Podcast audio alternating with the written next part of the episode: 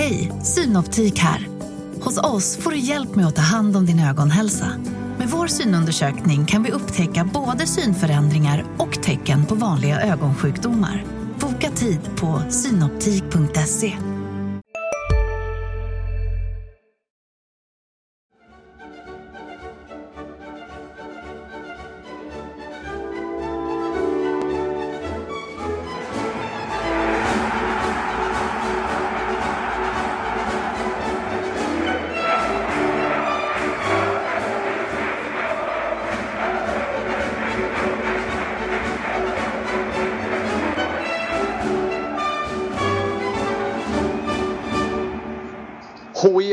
säsong vad gäller träningsmatcher är nu igång och det blev en seger i den första mot Torn från division 1 med 1-0 målskytt Simon Bengtsson, 16-åringen.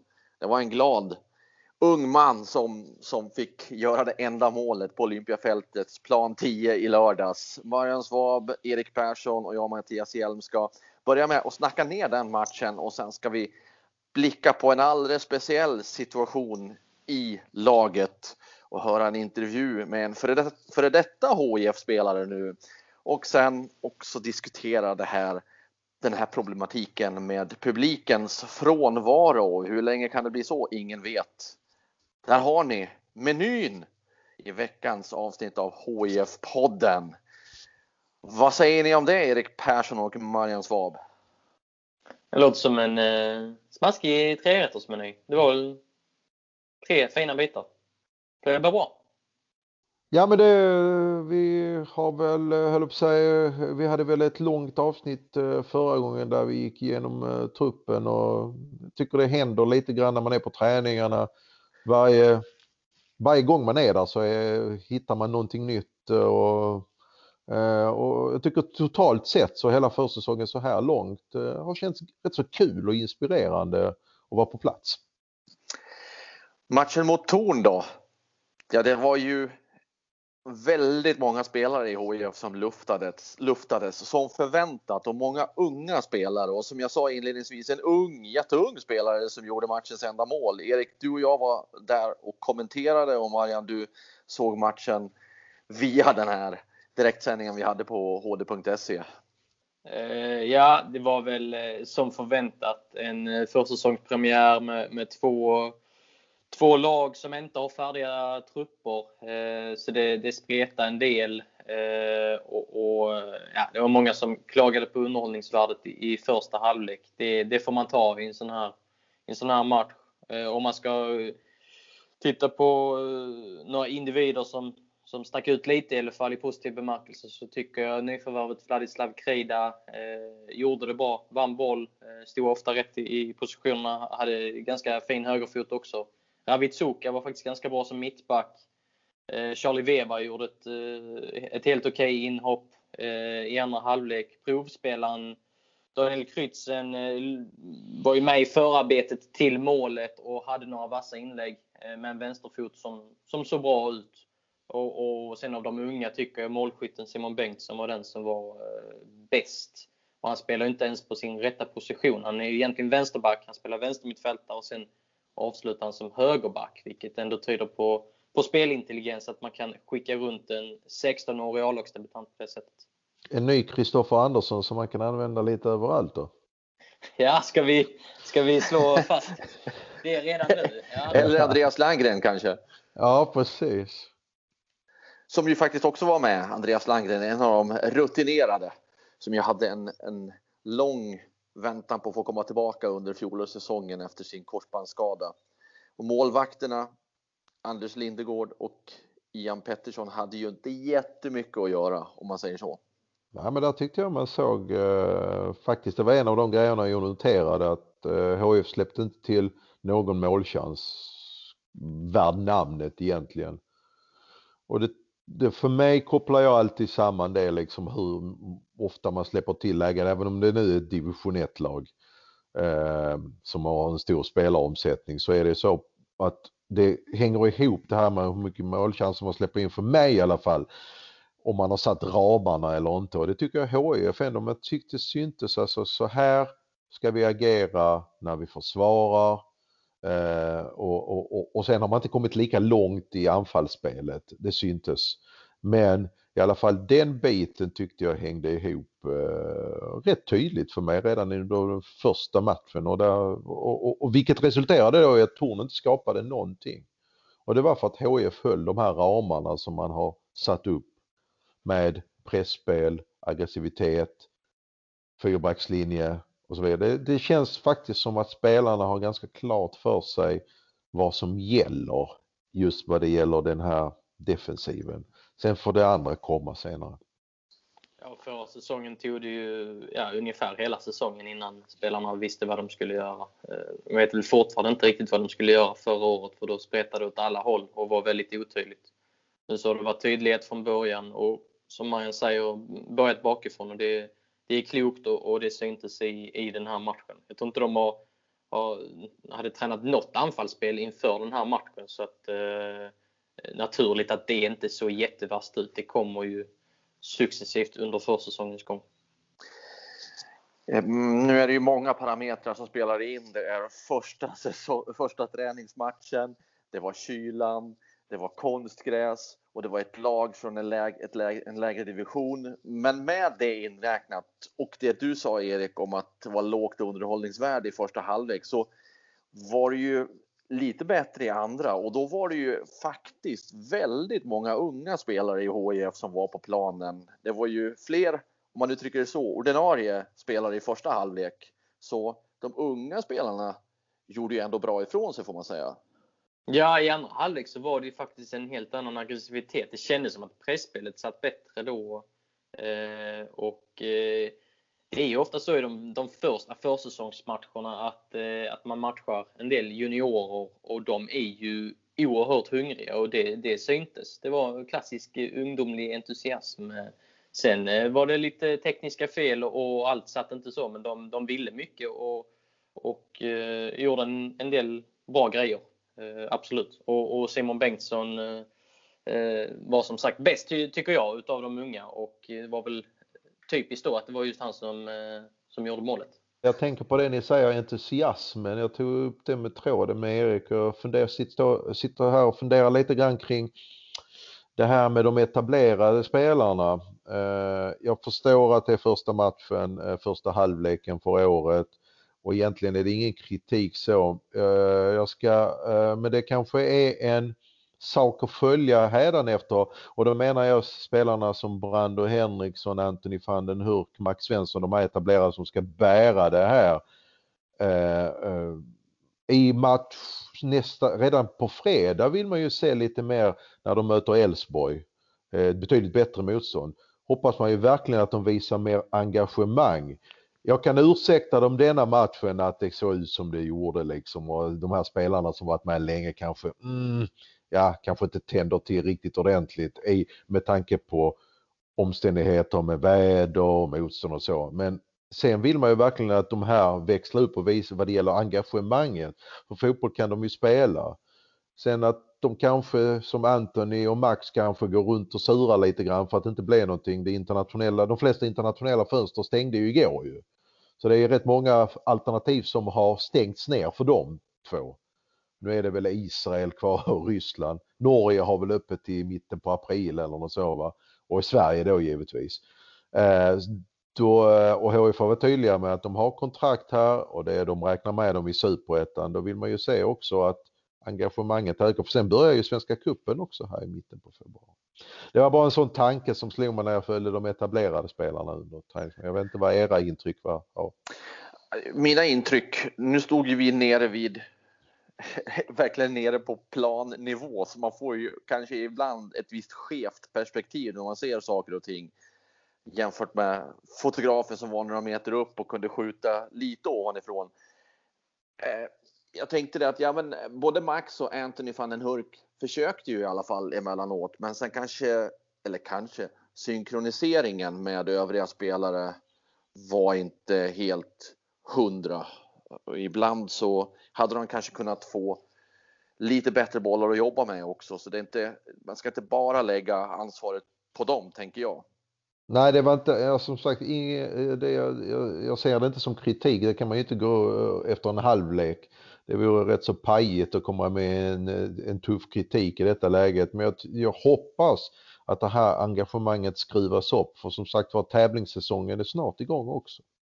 Ja, det, det, är ju absolut en utmaning för HIF. Eh, om nu Anthony van den Hurk och Max Svensson stannar, eh, vilket är ju är det är fler tecken på det nu när vissa transferfönster har stängt då utomlands. Eh, och det verkar ju som att HIF ändå sätter hyfsat höga prislappar eh, som av, nog avskräcker en, en del klubbar. Om de då blir kvar så blir det ju en utmaning att, att eh, få dem på, på rätt köl rent mentalt. Eh, att de inte ska gå runt och vara sura eh, och, och, besvikna och lite arga över att de inte har kommit till en högre nivå som de hoppades på efter degraderingen i höstas. Sen har ju spelarna ett ansvar också där själva. Det har de ju, men det, det är ju naturligt om de blir sura där, men inte sagt att de har, har rätt i det. Men sådana känslor kan ju växa fram. Men där tror jag också att med Jörgen Lennartsson och, och Mattias Lindström som tränare så, så eh, kan de få dem på, på rätt tankar. Om de nu skulle hamna eh, i, i, i, så att säga fel eh, tankebanor. Men tror ni inte att sånt kommer automatiskt hos dem när säsongen närmar sig mer tävlingsmatcher? det blir varmare ute, bara en sån sak. Det blir mer av fotbollskänsla när våren är på gång och riktigt gräs frodas. Och jo, det, det, det sa jag. jag menar det är professionella fotbollsspelare som vill Jo men det är det engagemanget jag vill se nu redan kanske till fredag lite mer även om jag kanske inte kan kräva det men just det här engagemanget från de här bärande spelarna vill man ju se. Eh, kanske ja faktiskt redan nu till eh, när de möter allsvenskt motstånd på fredag. Eh, för att de har ju inte blivit sämre fotbollsspelare, det är fortfarande rätt så stabila och hyggliga fotbollsspelare. Kanske att man kan lägga in parametern snarare ur mitt perspektiv framåt sommaren om HIF inte har fått den start som alla förväntar sig att de ska vara i toppen och det ska rulla på och det ska fungera om resultaten inte är med då, då kan jag börja fundera på hur, hur, hur rör det sig i huvudet hos Max Svensson och Anthony van den Hurk när de inte är på högsta nivån i Sverige och resultaten inte kommer? De måste fortfarande prestera i HIF för att komma till en högre nivå. Det ansvaret ligger ju på dem ju. Precis, det är intressant att se vad de, vad de verkligen är, är gjorda av om det nu börjar blåsa kraftig motvind. Då, eh, det har jag nämnt tidigare. Det är ett, eh, då får man se vad, vilken karaktär, vilka karaktärer de har. Andreas Landgren spelade högerback och Andreas Landgren var väldigt mycket med upp i anfallen och man kunde se honom ibland stå och, och vifta och säga jag vill ha bollen, det är stora ytor här ute. Så Andreas Landgren är ju med och påkopplad. Apropå bra karaktär, det vet vi sedan tidigare. Ja. Jo, han eh, är ju kommer vara jätteviktig för det här laget. Och, eh, Jörgen Lennartsson har ju också sagt att eh, just nu så, så är Landgren främst en konkurrent på eh, högerbackspositionen. Och eh, ja, det är Andreas Landgren och Ravitsoka som kan spela där. Eh, eh, och nu testades Ravitsoka som, som mittback, spela en kvart i andra halvlek som högerback och kommer att få lite mer speltid där i någon, någon match framöver också. Så att, Hela pusslet ja. bygger ju på om Andreas Granqvist kan spela som vi varit inne på tidigare. Det var vi på förra gången när vi gick igenom truppen. Alltså, oerhört mycket hänger här nu på om eh, hur centrallinjen byggs och vilken personal som är tillgänglig. Tänker då främst som sagt var på lagkaptenen Andreas Granqvist. För kan inte han spela eh, då antingen måste man eh, fortsätta satsa på det de har nu, det de gjorde nu med Jakob och Ravi eller som jag tror, tror märk väl, kommer man i så fall om Andreas Granqvist känner att nej, men det här går inte, då måste, då måste de nog värva in en mittback. Ja, det är jag. Ja, jag, jag vet ju inte det, men jag nej, tror, de... tror man ju veta det ändå. För det vore ju konstigt om de inte går ut på en febril mittbacks, mittbacksjakt om, om Granqvist inte kan spela. Och då spela. snackar vi om en färdig eh, karaktärstark spelare. Precis, det är då, jag helt inne på också. Det tror jag. Och, och då pratar ni om att värva in en i sommarfönster, eller? Nej, gärna innan den 31 mars då, då, då svenska fönstret stänger. Eh, det är marknaden är väldigt konstig för tillfället. Det finns ju möjligheter onekligen och det är väldigt mycket spelare som går eh, utan arbetsuppgifter också. Eh, eh, efter gårdagen då när de internationella, många internationella fönster stängde. Men jag tänker att Andreas Kranqvist kanske inte kan vara helt på det klara med sin egen status redan till 31 mars, eller tror ni det? Nej, men om man inte är det så måste man kanske ta in eh, någon korttidslösning, även om det inte är att föredra på något sätt egentligen. Men jag vet inte om man är helt trygg med, med att ha eh, Jakob Fölkling Persson, Kasper Widell, Ravitsuka och Charlie Weber som mittbacksuppsättningen när Superettan drar igång. Jag, jag är lite eh, jag är osäker på det. Så att, eh, man, behöver, man vill nu ha ett svar så snabbt det bara går. Där. Tror jag. Vi tittar på en annan försvarsposition. Vänsterbackspositionen. Där har ju Adam Eriksson huserat i fem raka säsonger och när jag pratade med honom igår så räknade jag igenom hans statistik. Han har alltså missat endast sju matcher, seriematcher de här fem åren med HIF. Han har varit cementerad på vänsterbackspositionen. Han fick inte förnyat kontrakt med HIF efter fjolårssäsongen. Och sen, ja, ge läget här på den positionen nu innan vi ska lyssna till Adam Eriksson vad, vad, vad hans status är. Eh, Emil Hellman spelar i första halvlek mot Torn och det har vi pratat om innan, en överårig junior som handlar om ett A-lagskontrakt eller så får han lämna HIF. Jag skulle tro att han får ett A-lagskontrakt men att han ses som en truppspelare. Då behöver man en spelare som kan starta som vänsterback. Martin Olsson eh, lämnade som väntat. Han är klar för Häcken. Daniel Krytzen eh, senast i eh, Forge FC, eh, mästare i Kanada, eh, spelar andra halvlek nu mot Torn. Har rest tillbaka till Kanada Ja, där vill jag lägga in en för att det eh, är nog inte Kanada han har rest tillbaka till utan det är till Nederländerna. Vad jag ja, har fått för Ja. Okay. Ja, de sa, de sa Kanada. Jag reagerade ja, jag också på det. Ja, nej, han, har, han, har, han, han är, befinner sig i Nederländerna. Ja. Lite närmare på... då, helt enkelt. Jajamän. Ja. Eh, han finns väl med i, i, i leken, men eh, det finns fler namn i den där leken. Eh, Göteborgs-Posten gick ut med att Oskar Sverrisson från Häcken, som jag tror jag nämnde i förra podden, att, att han eh, är aktuell och det låter ju eh, fullt logiskt. Ehm, så att, ehm, ja, jakten, jakten fortsätter även då om Emil Hellman skulle skriva kontrakt. Simon Bengtsson då? 16 år, jättespännande. Men eh, en eh, vänsterbacksuppsättning med Emil Hellman och Simon Bengtsson kommer inte ske nu. Det tror jag inte. Och eh, Simon Bengtsson kan ju eh, figurera i A-laget ändå, även om han inte skriver A-lagskontrakt i och med att han är så pass ung.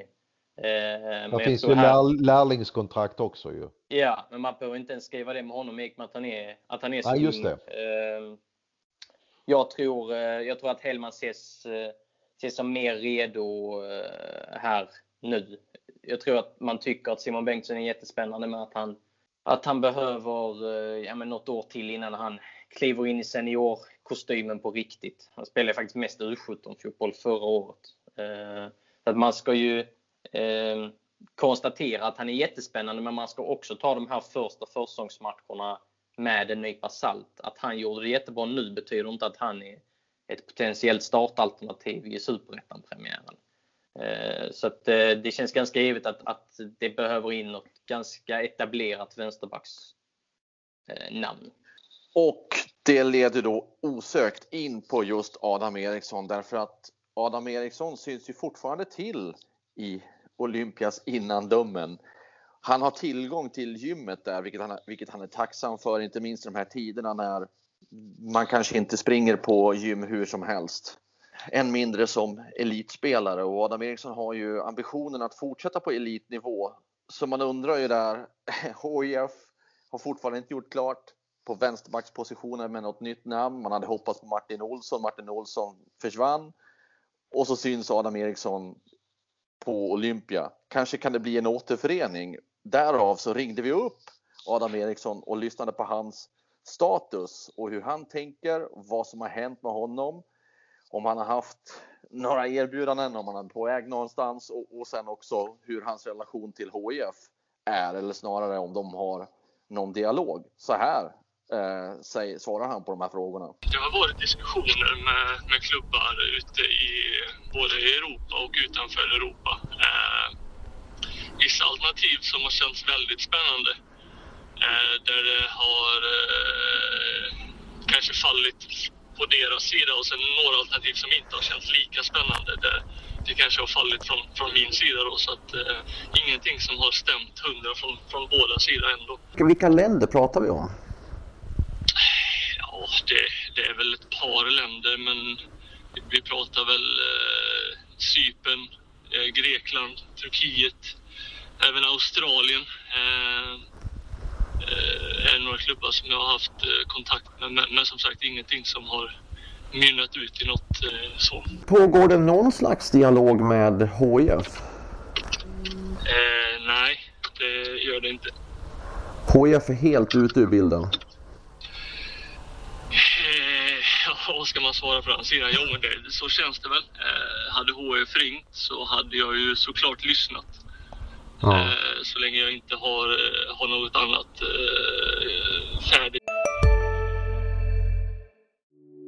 Hej, Ulf Kristersson här. På många sätt är det en mörk tid vi lever i. Men nu tar vi ett stort steg för att göra Sverige till en tryggare och säkrare plats. Sverige är nu medlem i Nato. En för alla, alla för en. Vi är specialister på det vi gör, precis som du. Därför försäkrar vi på Swedea bara småföretag, som ditt. För oss är små företag alltid större än stora och vår företagsförsäkring anpassar sig helt efter firmans förutsättningar. Gå in på swedea.se företag och jämför själv. Så hade jag såklart lyssnat på dem. Eh, men de har inte ringt än.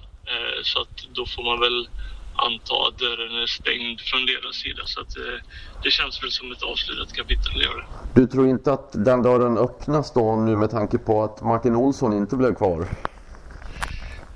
Ja, Jag vet inte. Eh, Det, får du fråga HIF om. Eh, Nu var det ju några dagar sedan Martin skrev på för, för Häcken och de har inte hört av sig än i alla fall. Så jag vet inte i vilka processer de har med vilka alternativ de har. Men eh, som sagt, eh, hör de av sig så kommer jag lyssna. Eh, men eh, det är ingenting jag förväntar mig om jag säger så. Men det är helt uppenbart, precis som du nämnde för mig tidigare under förra säsongen, så din ambition att fortsätta med elitfotboll, det var inget snack om det och den känslan får jag nu också med tanke på hur du håller igång och vad du själv planerar för. Ja, det, det, tycker jag väl. Eh, Jag kände väl någonstans i slutet på, på förra säsongen att det var en tuff säsong och den var jobbig på många sätt. Att ibland så kände man väl kanske det hade bara varit skönt att, att sluta helt och göra något helt annat. Ja. Eh, Men nu när det har gått lite tid och, och man ser hur alla lag eh, börjar träna och spela matcher nu så blir man jävligt sugen på det. Så att, nej, jag känner väl att jag har några, några år kvar i mig liksom på, på en bra nivå. Så att, nej, förhoppningsvis så hittar jag någonting här i kommande veckor så att eh, vi kan komma igång med lite fotboll igen. Där blev det ganska tydligt att Adam Eriksson och HIF inte verkar vara närmare varandra på något sätt utan som Adam Eriksson upplever det, i alla fall när intervjun gjordes på måndagskvällen så är dörren stängd. Era kommentarer och tankar när ni har hört intervjun?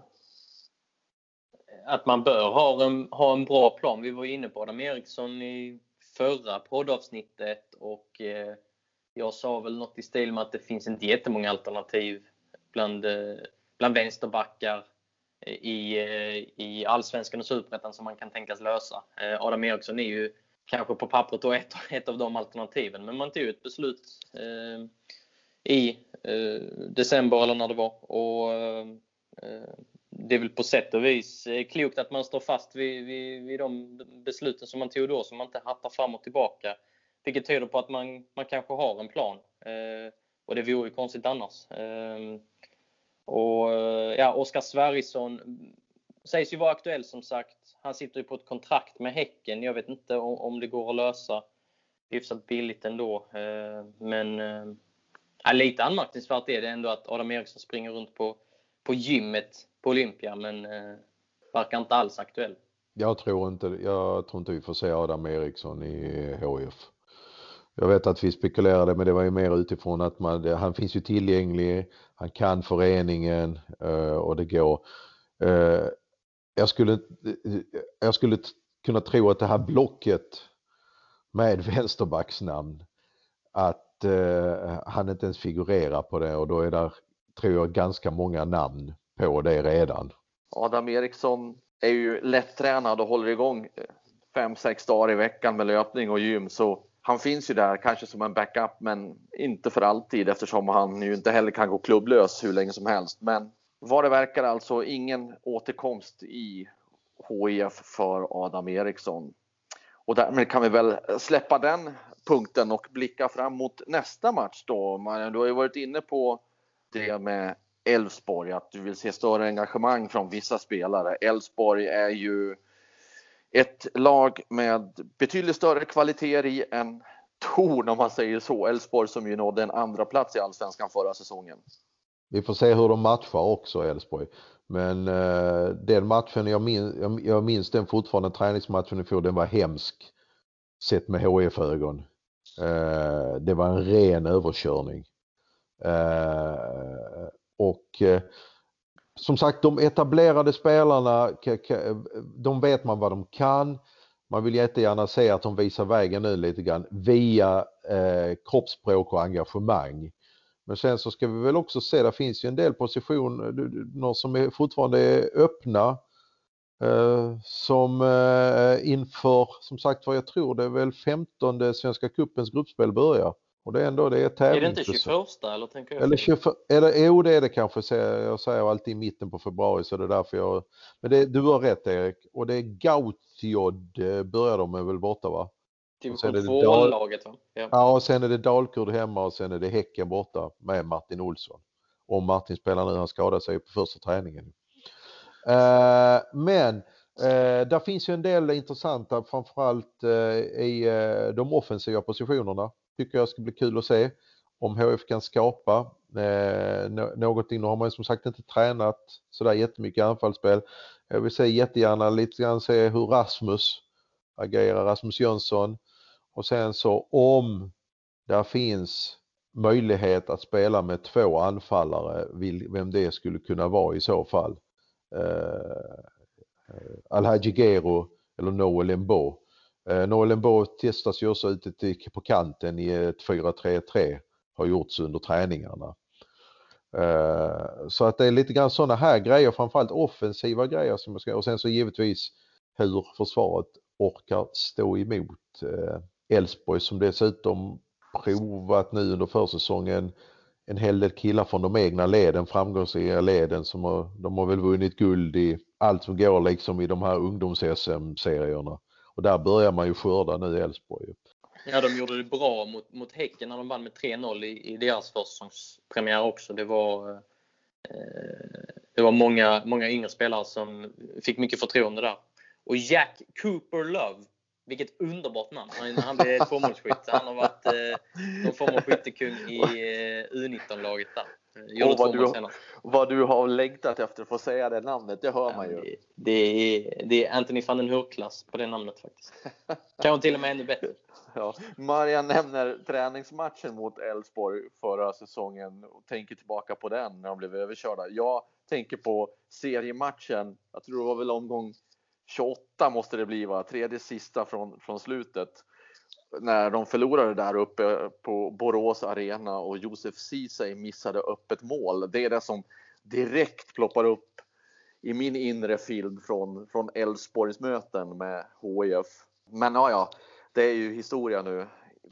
Jag tycker det ska bli intressant att se hur de vi pratade om tidigare eh, kan, vad de kan få ut, Anthony van den Hurk och Max Svensson. Sen tänker jag också att det är lite spännande med två sådana krigare på mitten i Brandur Henriksson och Vladislav Kreida som kan bli nyttig, dynamisk, fysisk duo för HIF framöver. Krejda tycker jag ser redan bättre ut än vad Brandur har gjort här under sin korta tid där. Mycket mer beslutsam och mer, mer, mer noggrann vad det gäller passningsspel och sånt. Jag tycker fortfarande Brandur lite grann fladdrig emellanåt men förhoppningsvis så kan han ju plocka fram det han har i sig också. Men Kreda är ju för mig den bästa mittfältaren för tillfället där är. Eh, imponerad, verkligen imponerad av det han har visat upp. Lugn med bollen, Uh, ingen alibi-spelare så här liksom. Man tycker liksom, han fick ju omdömet terrier av sportchefen Andreas Granqvist. Men, uh, och det är han det också, men jag tycker det är väldigt mycket fotboll i honom också. Uh, där har nog HIF gjort ett klipp, absolut. Jag hoppas att det inte är en Fox Terrier så att det är en liten gläfsande variant bara.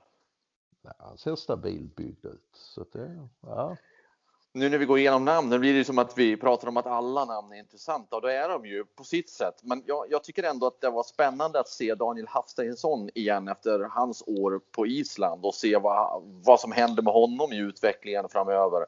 Han var ju ändå inblandad i, eller hade mycket boll och rörde sig över stora ytor i andra halvlek mot Torn. Nu blir det ju en helt annan nivå på motståndet så ett annat spännande namn för mig att hålla ögonen på tycker det är intressant att se vad man, eh, vad man ser Daniel Hafsteinsson i, i den här eh, truppen. Han har inte byggt upp någon vidare hög status sen han kom till, till HIF. Eh, nu spelar han i nummer 10-roll eh, och fick en hel del boll, vilket man ju ska ha i den rollen.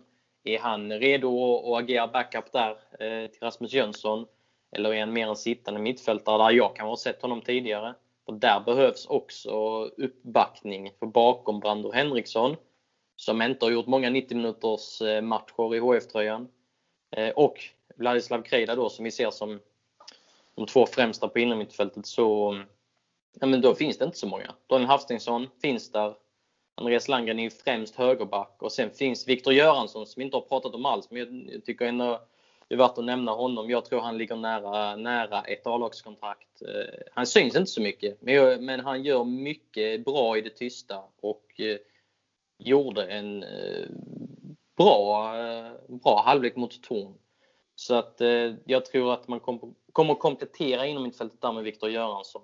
Eh, och då är det faktiskt en, en, spelare som, som man vill se i de här kommande matcherna. Alltså Emil Hellman, Viktor Göransson och så. Håller de den här nivån? Jag tror ju att de kommer få ett a men det är ju spelare som man vill testa här nu. Så att viktiga matcher för dem. Jag tycker det ska bli intressant att se hur, när väl HF börjar sätta det här anfallsspelet, hur man vill anfalla. Eh, Lennartsson har ju varit lite grann inne på det i en intervju som vi gjorde.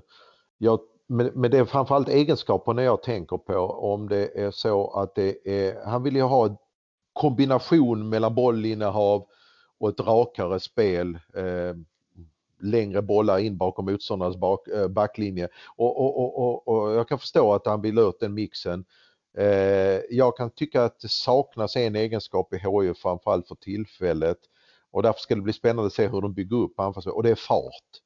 Fart i djupled. Eh, jag, jag kan inte se några spelare där som, som har den här egenskapen. Eh, Dennis Olsson fick vi inte se nu senast. Han har, ja, en, hel del, han har en hel del fart. Sen är frågan, eh, vad han, han har ju spelat mycket till vänster. Eh, slagit väldigt mycket inlägg när han spelat i Eskilsminne.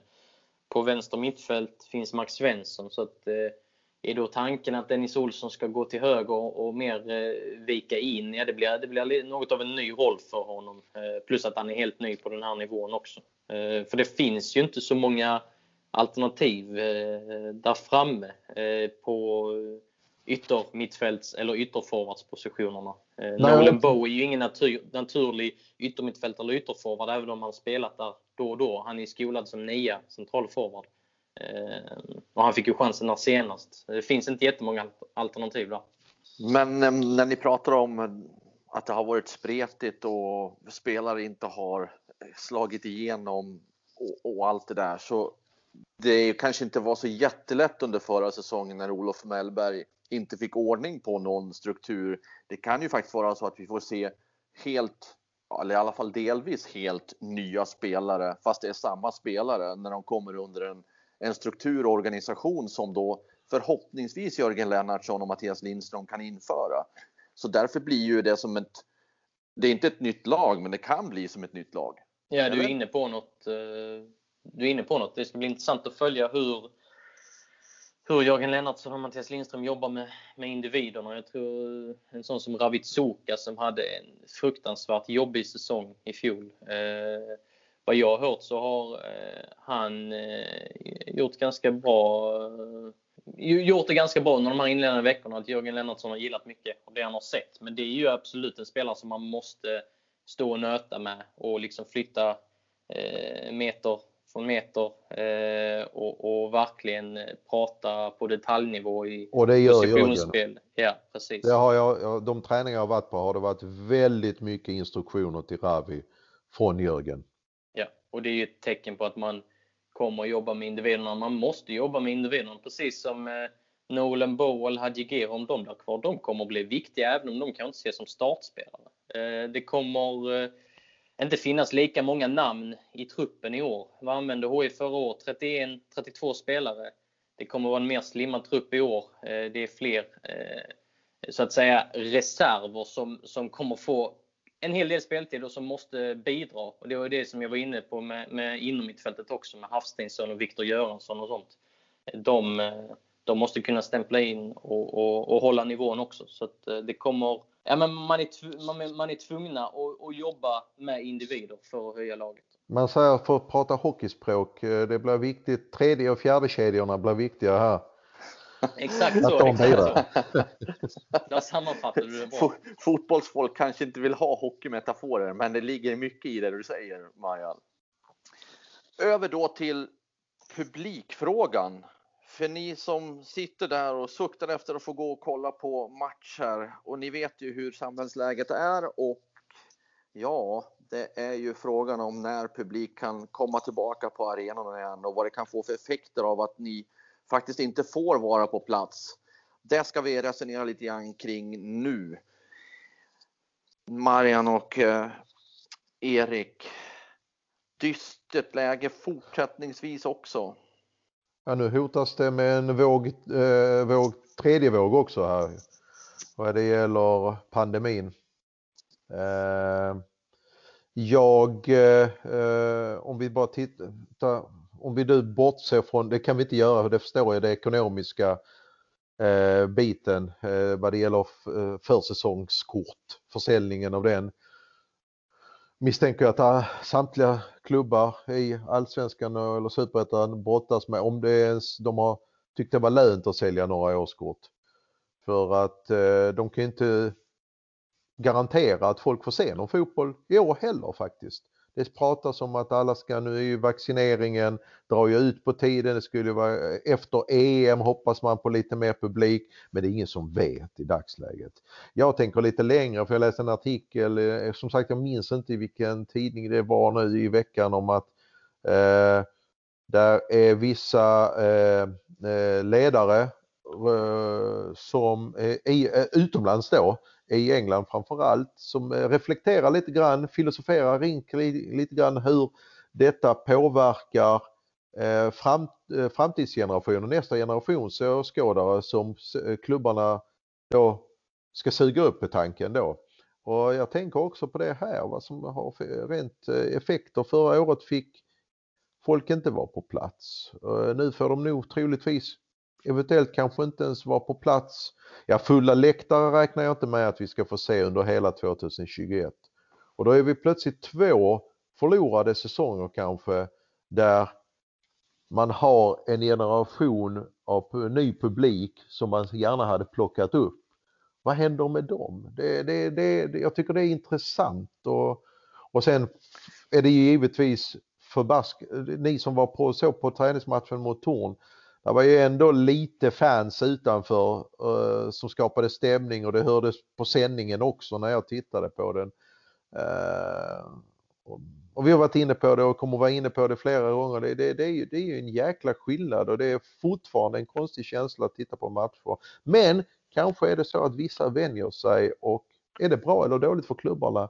Jag tror inte det är odelat positivt. Jag, jag tänker så här att du pratar om ordet vänja sig och det är väl där jag funderar kring hur mycket, om det nu blir två förlorade år, det vet ju ingen än, men om vi utgår från det, hur mycket hinner folks beteenden förändras? Vi har ju haft en, en explosion av livesända matcher under ett antal år och den, bara, den kurvan bara kommer ju fortsätta att stiga. Hur mycket av den av er ska jag säga, er vanliga fotbolls, äh, förstå mig rätt nu, alla är vanliga, det är inte så jag menar, men, men kanske inte ni hardcore supportrar utan ni som tycker om att gå på fotboll lite då och då. Vad händer med den stora massan? Ni som verkligen, verkligen brinner för det. Er tror jag inte är några större problem, men ni kommer att återvända till arenorna hur lång tid det än tar. Men den stora massan då, eller den här den delen av publiken, där är jag inte så säker. Kanske har man vant sig vid förändrat beteende att nej, jag gör det här hemifrån, jag tjänar tid på det. Och det jag tror kan ju slå hårt det. mot klubbarna. Jag tror du är inne på det Mattias. Det är i kombination med att kanske en försvårad nyrekrytering av fans. Där har du den stora stötestenen. Eh, eh, definitivt och eh, som sagt var de som alltid har gått och levt med klubben tidigare de kommer tillbaka. Det är, det, så är det ju bara. Men eh, det kommer, vi kommer givetvis eh, eftersom fotbollen följer samhällets mönster. Vi kommer ju all, hela samhället kommer inte återgå till det gamla som säger det innan pandemin. Och det kommer ju inte fotbollen heller göra eftersom det är en del av samhället och Eh, jag tror att vi kommer att få se förändrade mönster där också. Jag tror också att det kan föra med sig att det vi har börjat se i sporten nu om en, en lägre lönenivå, är kanske inte ute i, runt om i, i världsfotbollen, men om vi tittar på Sverige eh, så är det inte otänkbart att när publiken minskar intäkterna blir mindre hos klubbarna så kanske också lönenivån inte kommer att kunna skena, iväg framöver utan spelare får acceptera ja, lägre eller ingen ökad nivå av lön om man uttrycker De det så. De bästa spelarna kommer alltid tjäna Precis. pengar fortfarande. Precis. Men där, det, det, liksom det är på nivåerna där under där kanske ersättningarna kommer krympa. Men vi hoppas ju såklart att vi ska få någon form av publik på plats. Absolut. Absolut. Och med de orden tycker jag att vi, vi stänger HIF, HIF Pods butiken för den här veckan.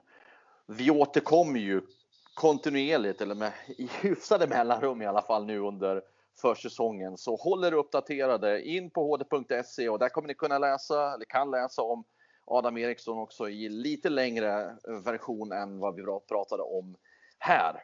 Vi säger tack för er uppmärksamhet och en fortsatt skön vecka. Ta hand om er och ta hand om vädret och njut. Hej med er!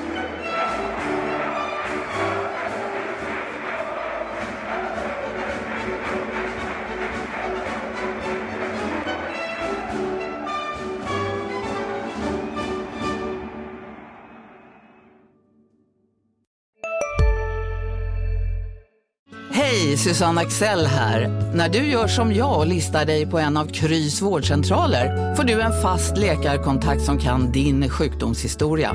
Du får träffa erfarna specialister, tillgång till lättakuten och så kan du chatta med vårdpersonalen. Så gör ditt viktigaste val idag, lista dig hos Kry. En nyhet. Nu kan du teckna livförsäkring hos Trygg-Hansa. Den ger dina nära ersättning som kan användas på det sätt som hjälper bäst. En försäkring för dig och till de som älskar dig. Läs mer och teckna på trygghansa.se. Trygg Hansa. Trygghet för livet.